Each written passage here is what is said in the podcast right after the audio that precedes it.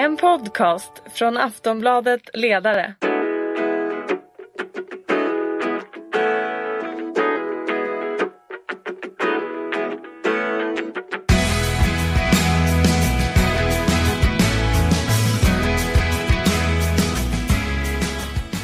Så, då är det dags igen. Lönedags. Det är väl till och med hög tid får man säga. Den här månaden har ju 25 hunnit passera när programmet spelas in. Men det finns goda skäl till förseningen. Eh, med mig i studion har jag precis som vanligt Susanna Lundell, chefredaktör för tidningen Kommunalarbetaren och Tommy Öberg som bland annat skriver kröniker i tidningen Arbetet.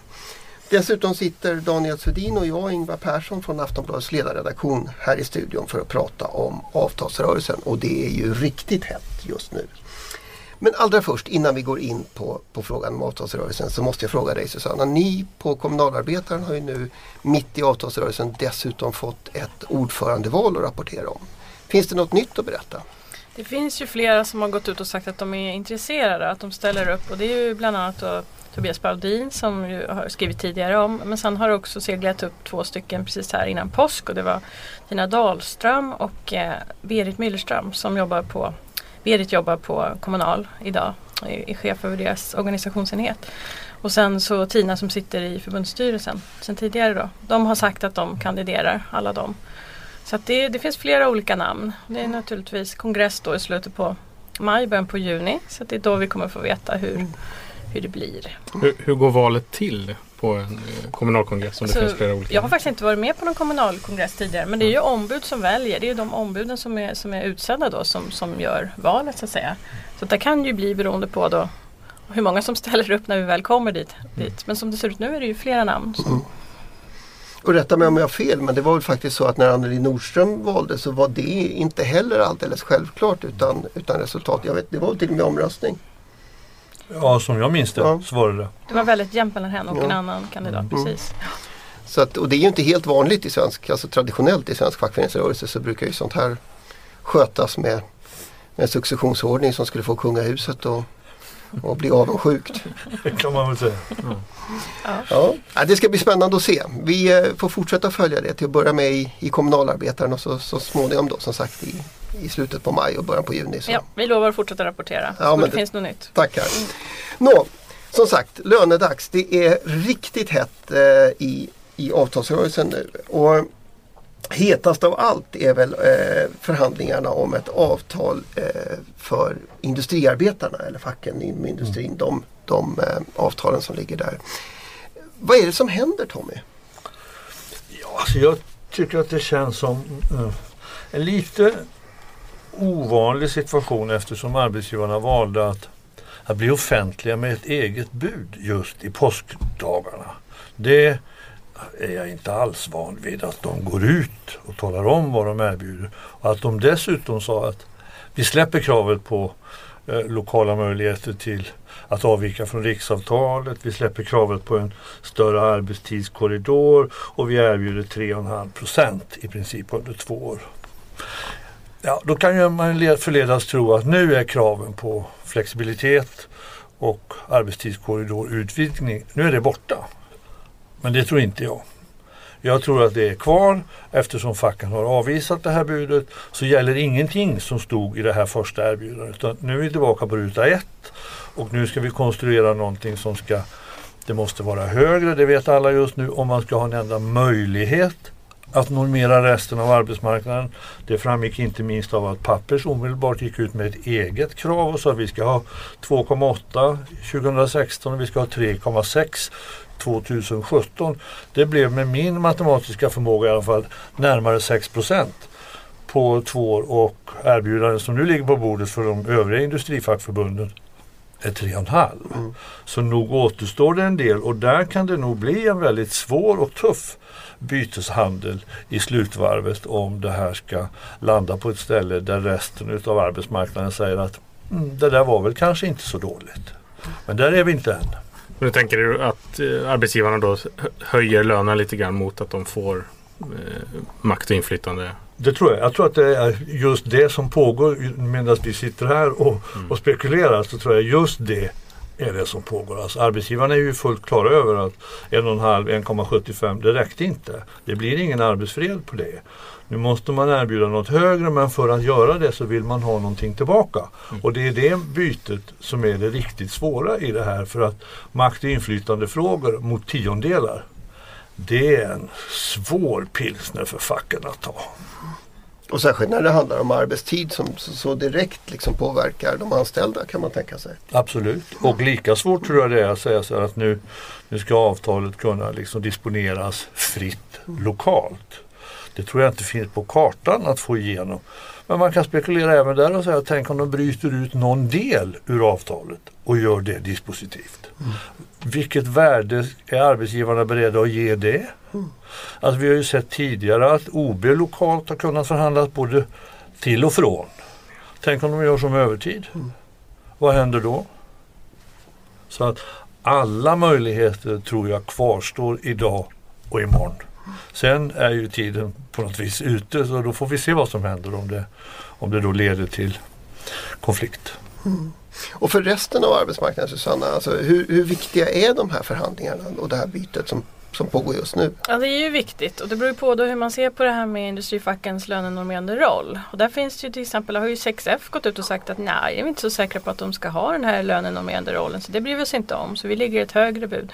Men det finns ju stora delar av arbetsmarknaden som fortfarande ser det som att det är väldigt viktigt att det blir ett, ett bra, att det blir ett märke helt enkelt och att det blir tillräckligt högt för att sen ska man jobba vidare då i de andra avtalsområdena. Så att på så sätt så är det ju viktigt vad man landar i och att man gör det inom tid. För sen har vi andra saker. Vi har ju varsel som ligger som målarna har lagt och så vidare. Mm. Som, så att det är ju ett tryck på de här dagarna när vi sitter här nu att det faktiskt händer någonting som är väldigt starkt.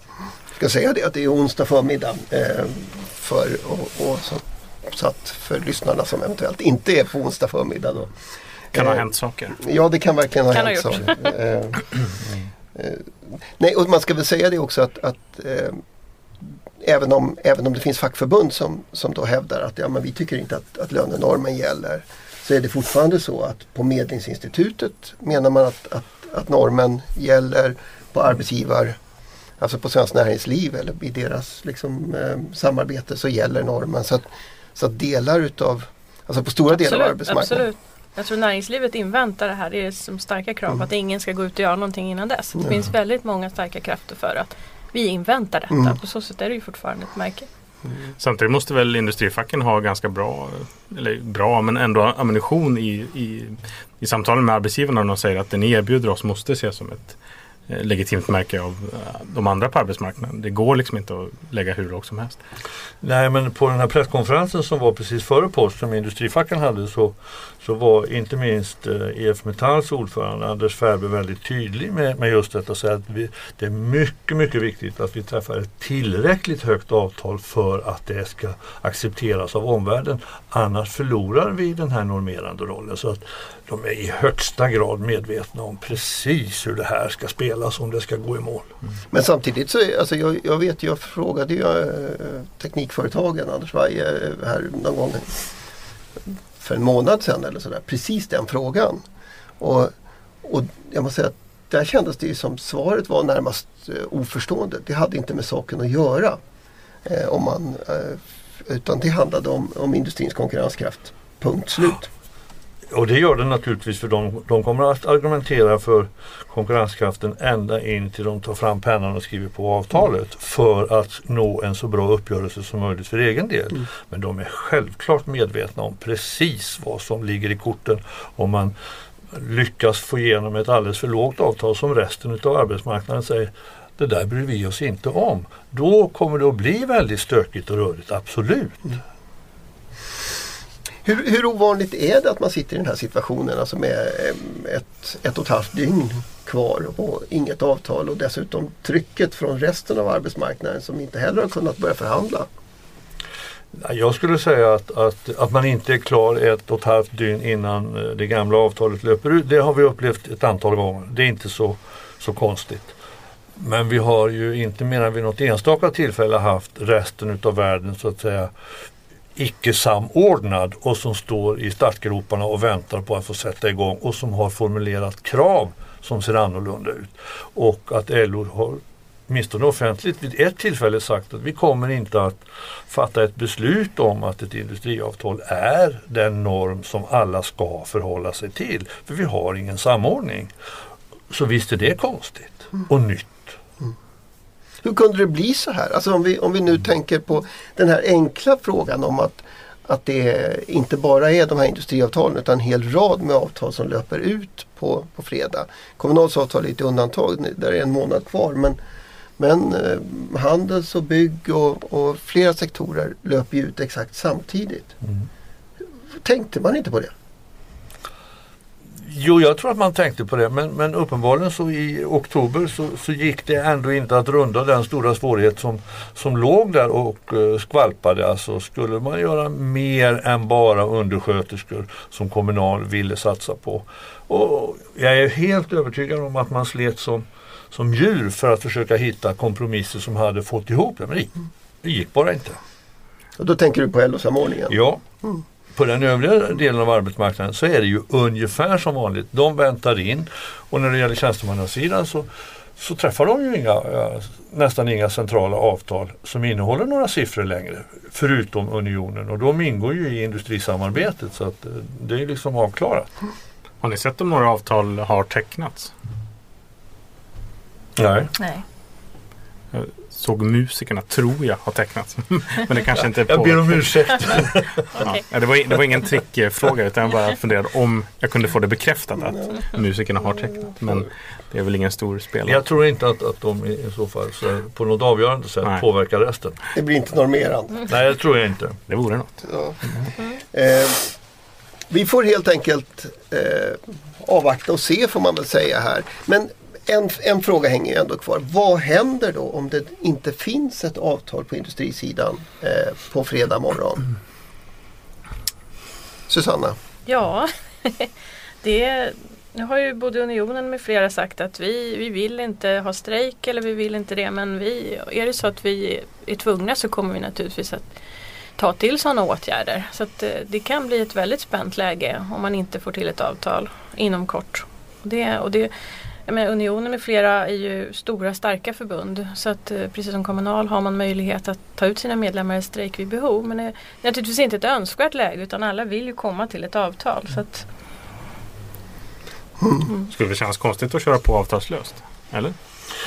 Nej, alltså det har hänt förr att, att det har dragit över både en och två och fem dagar in på så att säga, den nya tänkta avtalsperioden. Och jag är inte alls främmande för att, att eh, på fredag kan Opo är ju ändå spelare som har en viss makt i det här och de kan mycket väl alltså, vädja till parterna eller säga låt oss eh, ge oss själva en hel helg att- att köra det här riktigt i botten. Vi har inte hunnit riktigt färdigt så det kan mycket väl bli förhandlingar under både första, andra, tredje och fjärde tror jag innan man i så fall säger att det här går inte, nu är vi i ett nytt läge.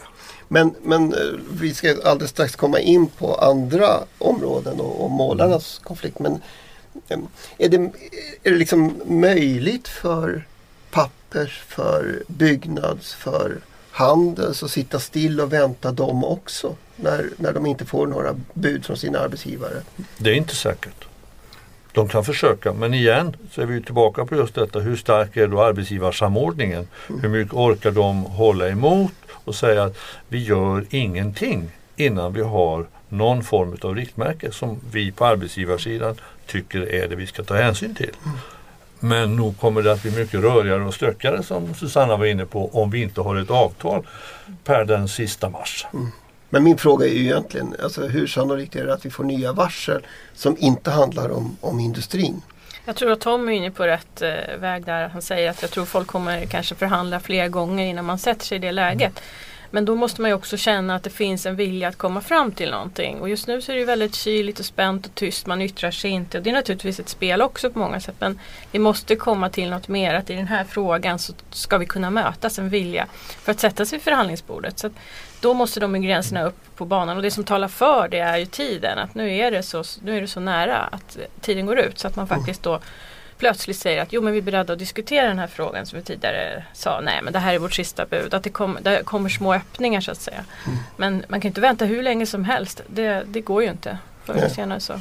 Och, och lite kan, kan du ha rätt Ingvar med, med att på sektorer som har, hållit på ett tag fast med ganska begränsad framgång och där tonen har varit rätt så hård. Inte minst alltså byggnads och byggarbetsgivarna har ju varit i luven på varandra ganska rejält. Va? Så att man kan inte bli helt överraskad över om alltså att det kommer ett varsel där om, om det här drar iväg till fredag, lördag någonting utan att någonting har hänt. För alltså, där är det spänt. Det är ju ingen tvekan om att det är på det sättet. Målarvarslet är väl också ett uttryck för att alltså, i, i branschen finns det väldigt besvärliga frågor som gång på gång kokar ner till konfliktvarsel eller konflikt. För just med målarna var det ju så att de tröttnade ju redan förra veckan Yes. på att, att vänta och sa att från den 8 april så går 260 målare hem från jobbet om det inte har blivit något avtal.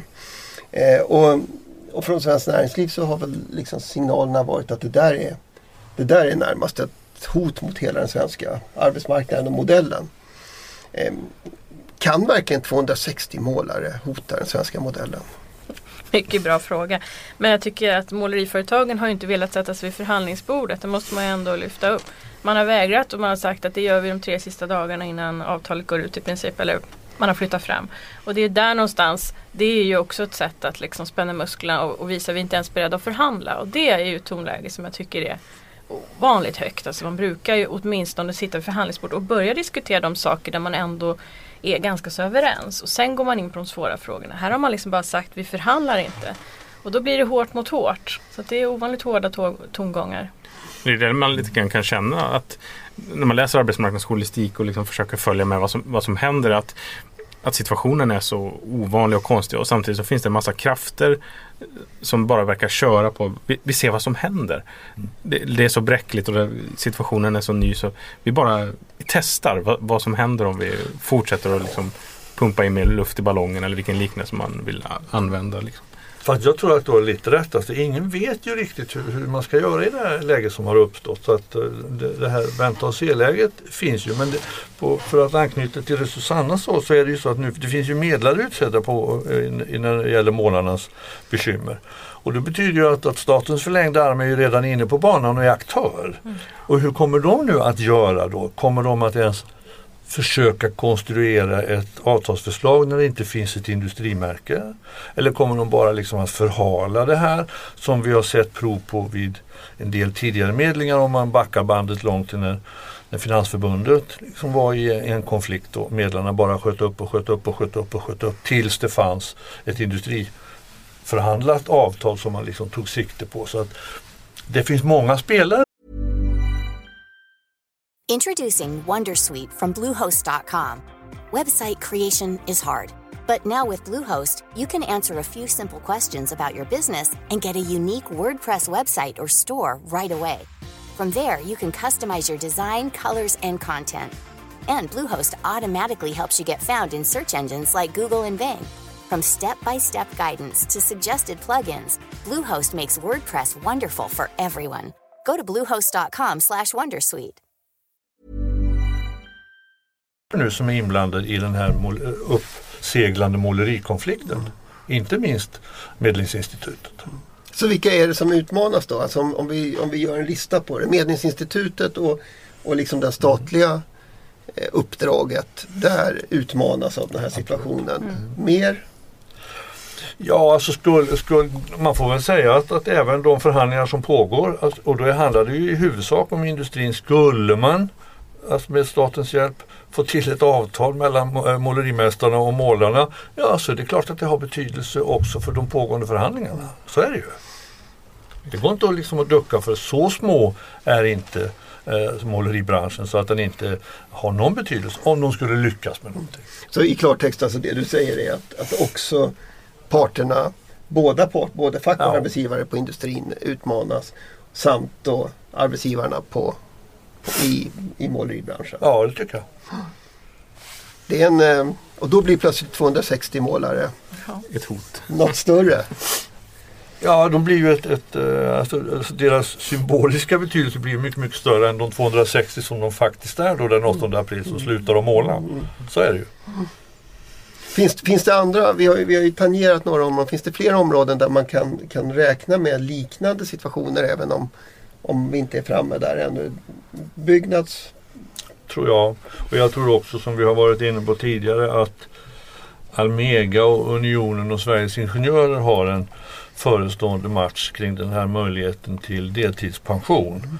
Alltså det har visserligen förekommit ett antal debattartiklar senaste månaden om att Alltså stora är inte skillnaderna och uh, har då arbetsgivarna påstått och då har man ju kontrat ifrån unionens sida och sagt att nej, nej, nej, nej. Så, så ense som, som ni säger, det har vi inte märkt av att vi är. Så den frågan är, är nog inte riktigt avklarad än tror jag hur det där ska gå till. Och, och eh, eftersom det har varit eh, en ganska svår fråga både för avtalsrörelsen och i inledningen av den här så betraktar jag det fortfarande som ett riskmoment när det gäller eh, deltidspensionslösningen. Mm.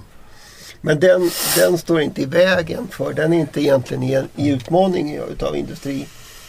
Nej, jag uppfattar det inte så. Eftersom det är samma förbund så att säga som... som eh, ja, som förhandlar mm. åt två håll, ja. som är två arbetsgivare. Mm. Ja.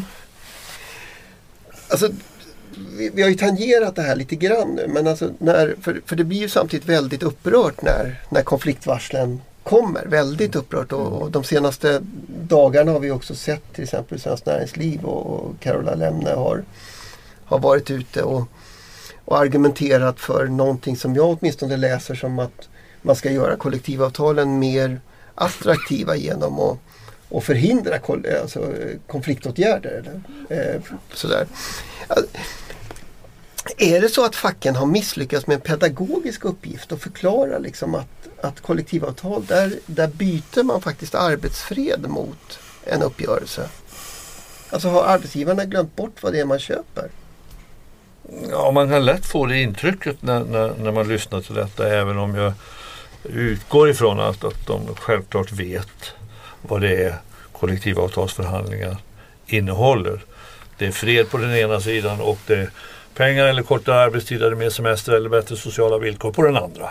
Mm. Så att, att de skulle sväva i okunnighet det har jag väldigt svårt att tro. Utan det är väl en del utav det här kriget som förs i spalter och i radio och tv-program där man liksom försöker etablera sin egen världsbild av vad som pågår. Att eh, vem kan vara emot moderna saker eller om någon säger vi ska vara flexibla så tycker mm. ju alla det låter jättebra. Mm. När man inte talar om vad det betyder. Så att jag tror att jag skriver det på det kontot. Mm. Här pågår en kamp om världsbilden och eh, de kämpar på för att etablera sin och facken stretar emot så gott det går.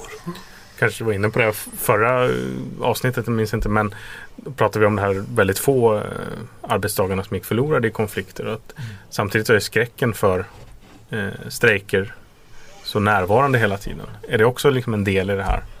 Etablera världsbild att man försöker ja. lura folk att vi strejkar jättemycket. Min, min bild är att, att det är en del av det här eh, kriget som pågår om att, att vinna så att säga, sätta agendan, att dominera det offentliga samtalet. Det är min bild som gäller, inte din. För att det, precis som du säger Daniel, alltså de här 263 dagarna som, som försvann förra året på grund av konflikt, det är inte mätbart. Alltså så lite är det. Precis. Nej, det är viktigt med statistiken precis som du säger Tommy. Ja. Att man ser att det inte är så himla många som de vill få det till. Så det är ju ett spel det mm. också. Mm. Men då kanske frågan är, är facken för dåliga på att etablera en motbild då? Ja, det tycker jag är mycket mer spännande för jag anser att arbetsgivarna under det senaste året har varit klart bäst på att eh, etablera sin beskrivning utav konjunkturläge, betydelsen utav negativ ränta, ingen inflation. Alla de här sakerna som jag tycker sedan februari förra året så har de eh, de har lett den här matchen hela vägen. Det, det, är de som bestämmer vad vi ska prata om. Men väldigt duktiga på det. Jag har mycket, mycket stor respekt för deras sätt att, att hantera detta. Medan jag tycker att facken har till en början tycker jag mest låtit det vara och sen lite splittrat försökt bemöta en och annan sån här, men inte någon bred precis som Svenskt Näringsliv har lyckats med det tycker jag. De har vunnit den matchen. Samordningen fungerar inte? Nej. Jag tror man kan hitta en förklaring historiskt till det. Att, att 2006 och allt som hände här med a-kassan och facken tappade medlemmar, hotell och restaurang tappade en tredjedel av sina medlemmar. Alltså det, det, det, blev enormt svårt och då hade man inte liksom möjlighet att lägga lika mycket tid och energi på hur ska vi nå ut och hur ska vi marknadsföra oss. Utan det handlade om att överleva, att få folk att organisera sig trots att det var för dyrt för dem Framförallt då de som hade minst inkomst då, mm. hotell, restaurang med flera. Och det, det, det, tror jag man har lidit av väldigt länge. Sen när man liksom kommit ur den där lite kryptan om man får säga så, så har man liksom haft så mycket som man behöver titta på att man inte riktigt har mäktat med kanske att gå ut och tala om vad man faktiskt gör. Att man förhandlar för alla medlemmar och höjer medlem försöker höja alla medlemmars löner. Och så man har liksom tagit för givet kanske en del kunskap som, som då inte finns. Så det är väl intressant Tommy att försöka där man kan föra tillbaka det där mm. till som det kanske var innan 2006 och se hur var det då. Och försöka göra en modern variant av det naturligtvis. Då. För att det, framförallt bland unga så finns det ju en, en ganska stor okunskap i vad innebär det för skillnad om jag jobbar på en arbetsplats med kollektivavtal eller mm. inte. Och där, har man ju, där behöver man ju nå ut med information helt enkelt vad det faktiskt innebär. Men kan det också vara så att, alltså, åtminstone på LO-sidan som, som är det jag tycker jag kan, kan någonting om så så kan man säga att de senaste 20 åren har ju, har ju den interna berättelsen dominerats utav, utav den här idén om kollektivavtalet som en sorts eh, löfte. Eh, och, och just den här marknadsidén att vi, vi säljer arbete och det, det, det är liksom det det handlar om. Det är det fackföreningens kärna är. Den har ju varit väldigt effektiv den där berättelsen internt eh, i, i fackföreningsrörelsen. Mm. Eh, och ibland får jag intrycket att, att man har varit ganska nöjd med att upprepa den där för varandra. Och så inte funderat så mycket på hur, hur situationen förstås utanför. Eh, av andra som då inte går på Åkersrune eller, mm. eller åker på kurs. Nej, jag tror att, att, att, att du har rätt så tillvida att agitprop-verksamheten så att säga, som riktar sig till en bred del av arbetsmarknaden är eftersatt. Mm. Utan eh, att säga det på Åkersrune eller på interna kurser vare sig man är i förbundshus eller annorstädes. Det, alltså det, det räcker inte. Det finns så många som behöver höra detta jämt, jämt, jämt om du ska vinna nya själar. Va? Och Susanna pekar ju på naturligtvis en stor svaghet. Eh, alltså har man tappat hundratusentals medlemmar va? de sista 8-9 åren så är det det är ett svårt läge. Det har skakat om dem rejält tror jag och alltså fokus har lagts på att försöka börja med sådana här organisera, organisera, organisera kampanjer. Va? Och man kanske inte har orkat med att göra både det och också vara publika och framgångsrika i att sätta dagordningen. Mm. Vid varsel och strejker så kommer det där verkligen prövas. Mm. Jag tänkte på det, det var någon SEKO-strejk för något år sedan. Där arbetsgivarna var i radio redan eh, på morgonen och det tog lång tid innan man från eh, facket liksom kom med någon kommentar. Att de är väldigt duktiga på Precis. och vara ute och snabbt berätta vad handlar konflikten om och så finns det ingen motröst där. Mm. Det där kommer man ju få behöva titta på. Om det, Nej, men jag, tror att, och det är, det, jag tror att det är, är jätteviktigt att vara förberedd på alltså, vad som kommer att hända om vi nu hamnar i det här läget. Så att man vet vem ska man skicka fram, vad ska det sägas, när ska det sägas och hur ska det sägas. För jag tycker att arbetsgivarna är jätteduktiga på det. Mm. Och ibland har det också handlat mycket om inkomstförsäkringar och varför jag säger det för att det blev man ju tvungen till när den övriga så att säga allting monterades ju ner. Alla trygghetsåtgärder och a-kassan var inte alls lika mycket värd och höjdes inte på många många år. Fackförbunden såg sitt ansvar och in, många införde inkomstförsäkringar och då har det blivit mycket det man säger att gå med här kan du få en inkomstförsäkring och tappa bort de fackliga kärnvärdena och där är väl många förbund som också borde fundera över för att det är ju viktigt att man vet varför man är med i en organisation oavsett om det är ett, fack, ett fackförbund eller någonting annat. Mm. Att det är värderingarna det handlar om. Och då handlar det ju om sådana saker som kollektivavtal och löner och villkor mm. på arbetsmarknaden. Och heltid, rätt till heltid och sådana saker. Så att, och det sätts ju, verkligen, ja, sätts ju verkligen på sin spets i ett läge där, där det blir konfliktsituation. Mm. Mm. Hörrni, som avslutning eh, så tänkte jag vi ska också lyfta ändå en av de stora, stora frågorna som nu när det är så intensivt och, och det är tiondelar och, och, och sånt där. Som, men eh, jämställdheten kommer ju tillbaka och kommer ju när, när avtalsrörelsen så småningom ska utvärderas och vara en av de punkterna som, som eh, dyker upp. Och, eh, LO gjorde ju här för någon vecka sedan, eller Anna Danielsson Öberg som vi för ordningens skull ska säga eh, är gift med dig Tommy. Ja, det är ja, eh, skrev ju en rapport åt LO som, som kom för någon vecka sedan som handlar där man utvärderar de senaste 15 årens eh, eh, liksom jämställdhetsarbete och hur det har gått. Eh, och det har inte gått så bra kan man sammanfatta. Och en, en av de saker som jag tycker eh, vi ändå borde, eller är värd att fundera över här, det är ju att det Anna kommer fram till i rapporten är ju att de kvinnodominerade lågavlönade förbunden har till väldigt stor del fått betala för lite större procentuella löneökningar med försämrade villkor i övrigt. Är det en bild du känner igen Susanna? Absolut, och det är väl mycket det som har gjort tror jag att LO-samordningen har spruckit, att Kommunal har valt att förhandla själva.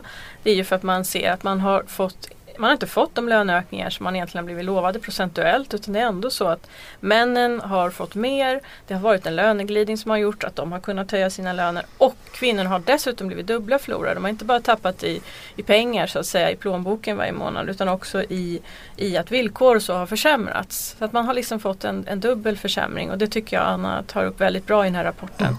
och har gjort en jättebra granskning utav, av det här. Att, och det är mycket det som gör att man måste, man måste titta på till exempel Kommunals undersköterskor, att man vill höja undersköterskorna. Man bryter ut en grupp därför man ser att det har inte gått att få den här höjningen för alla eh, kvinnor. Det handlar ju om Hotell och Restaurang och flera mm. andra också. Man har inte fått det som LO-samordningen har, har kämpat för och utlovat. Och då ser man att man kanske måste bryta ut en grupp och, och, och behålla villkor eller få bättre villkor. Få rätt till heltid som norm. Och, man ska ha klart för sig också när man tittar på löner att de ligger mycket lägre än vad de flesta rapporter skriver därför att de flesta jobbar ju deltid och har inte, får inte heltid även om de vill. Och, och så. så det, lönerna är låga, kvinnorna har varit de stora förlorarna och Kommunal, Hotell och Restaurang med flera kvinnodominerade förbund har förlorat på det här.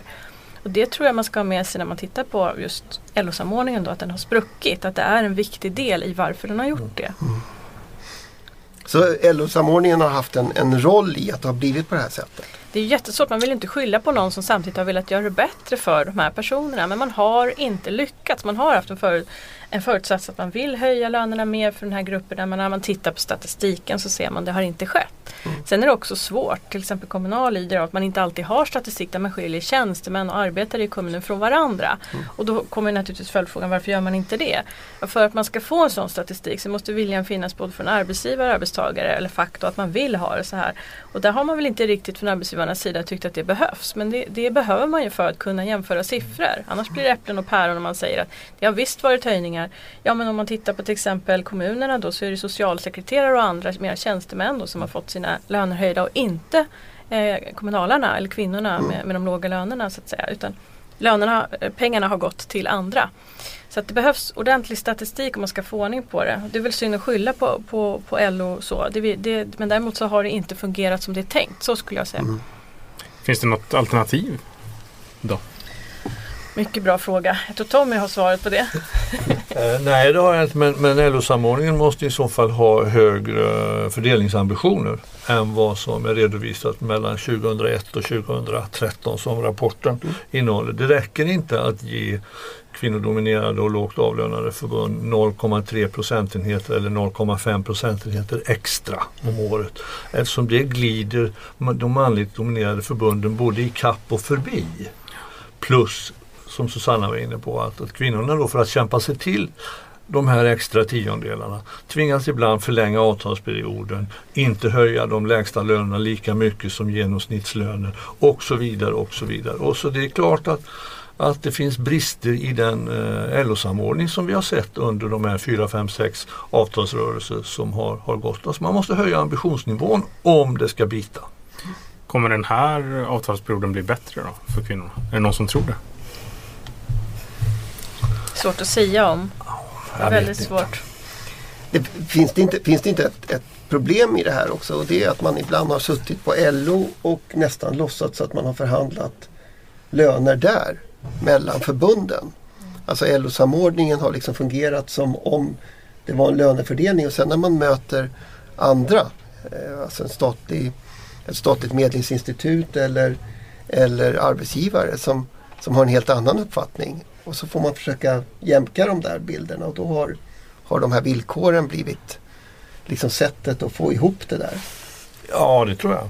Alltså, att, att det är en riktig beskrivning. Det, alltså det, det är säkert minst två förhandlingsomgångar. En svår och besvärlig internt då man kommer överens om hur många tiondelar eller kronor som, som det handlar om i så, att säga, i så kallad kvinnolönesatsning. Och nästa varv är då att möta motparten som ju ibland har helt andra idéer och då det slutar med, i alla fall som ju rapporten visar att, att kvinnorna kommer inte ikapp mer än med kanske någon ynka tiondel om året. Va? Och med den farten så tar det ju liksom ett halvt sekel innan det ens är i närheten. Mm. Och det är, kan man väl förstå att hälften av mänskligheten inte orkar vänta i ytterligare 50 år på någonting som egentligen borde vara självklart. Det kan man verkligen förstå. Ja, och man måste ju göra liksom höjningar av lägsta lön, höjningar av alltså alltihopa. Därför att sen är det ju så att många går i pension och slutar, det kommer in yngre förmågor. Har man då väldigt låga lägsta löner så blir man ju golv hela tiden. Det är det man pratar om också mycket från mm. kommunalsidan. Man blir golv i alla sådana här avtalsrörelser. Och då kommer man aldrig att komma ikapp industriarbetarna som är samma utbildning, eller inte samma utbildning, men lika lång ungefär. Mm. Tjänar 2800 kronor mer per månad. Det kan vi ju liksom inte riktigt tycka är okej 2016, men så ser det ut. Mm. Så ser det ut. Eh, vet ni, våran halvtimme har gått och vi får väl ge oss ut och, och avvakta nya besked här från förhandlingarna som pågår precis Absolut. i detta ögonblick. Ja. Stort tack Susanna, tack. Tommy Tackar. och Daniel. Tack.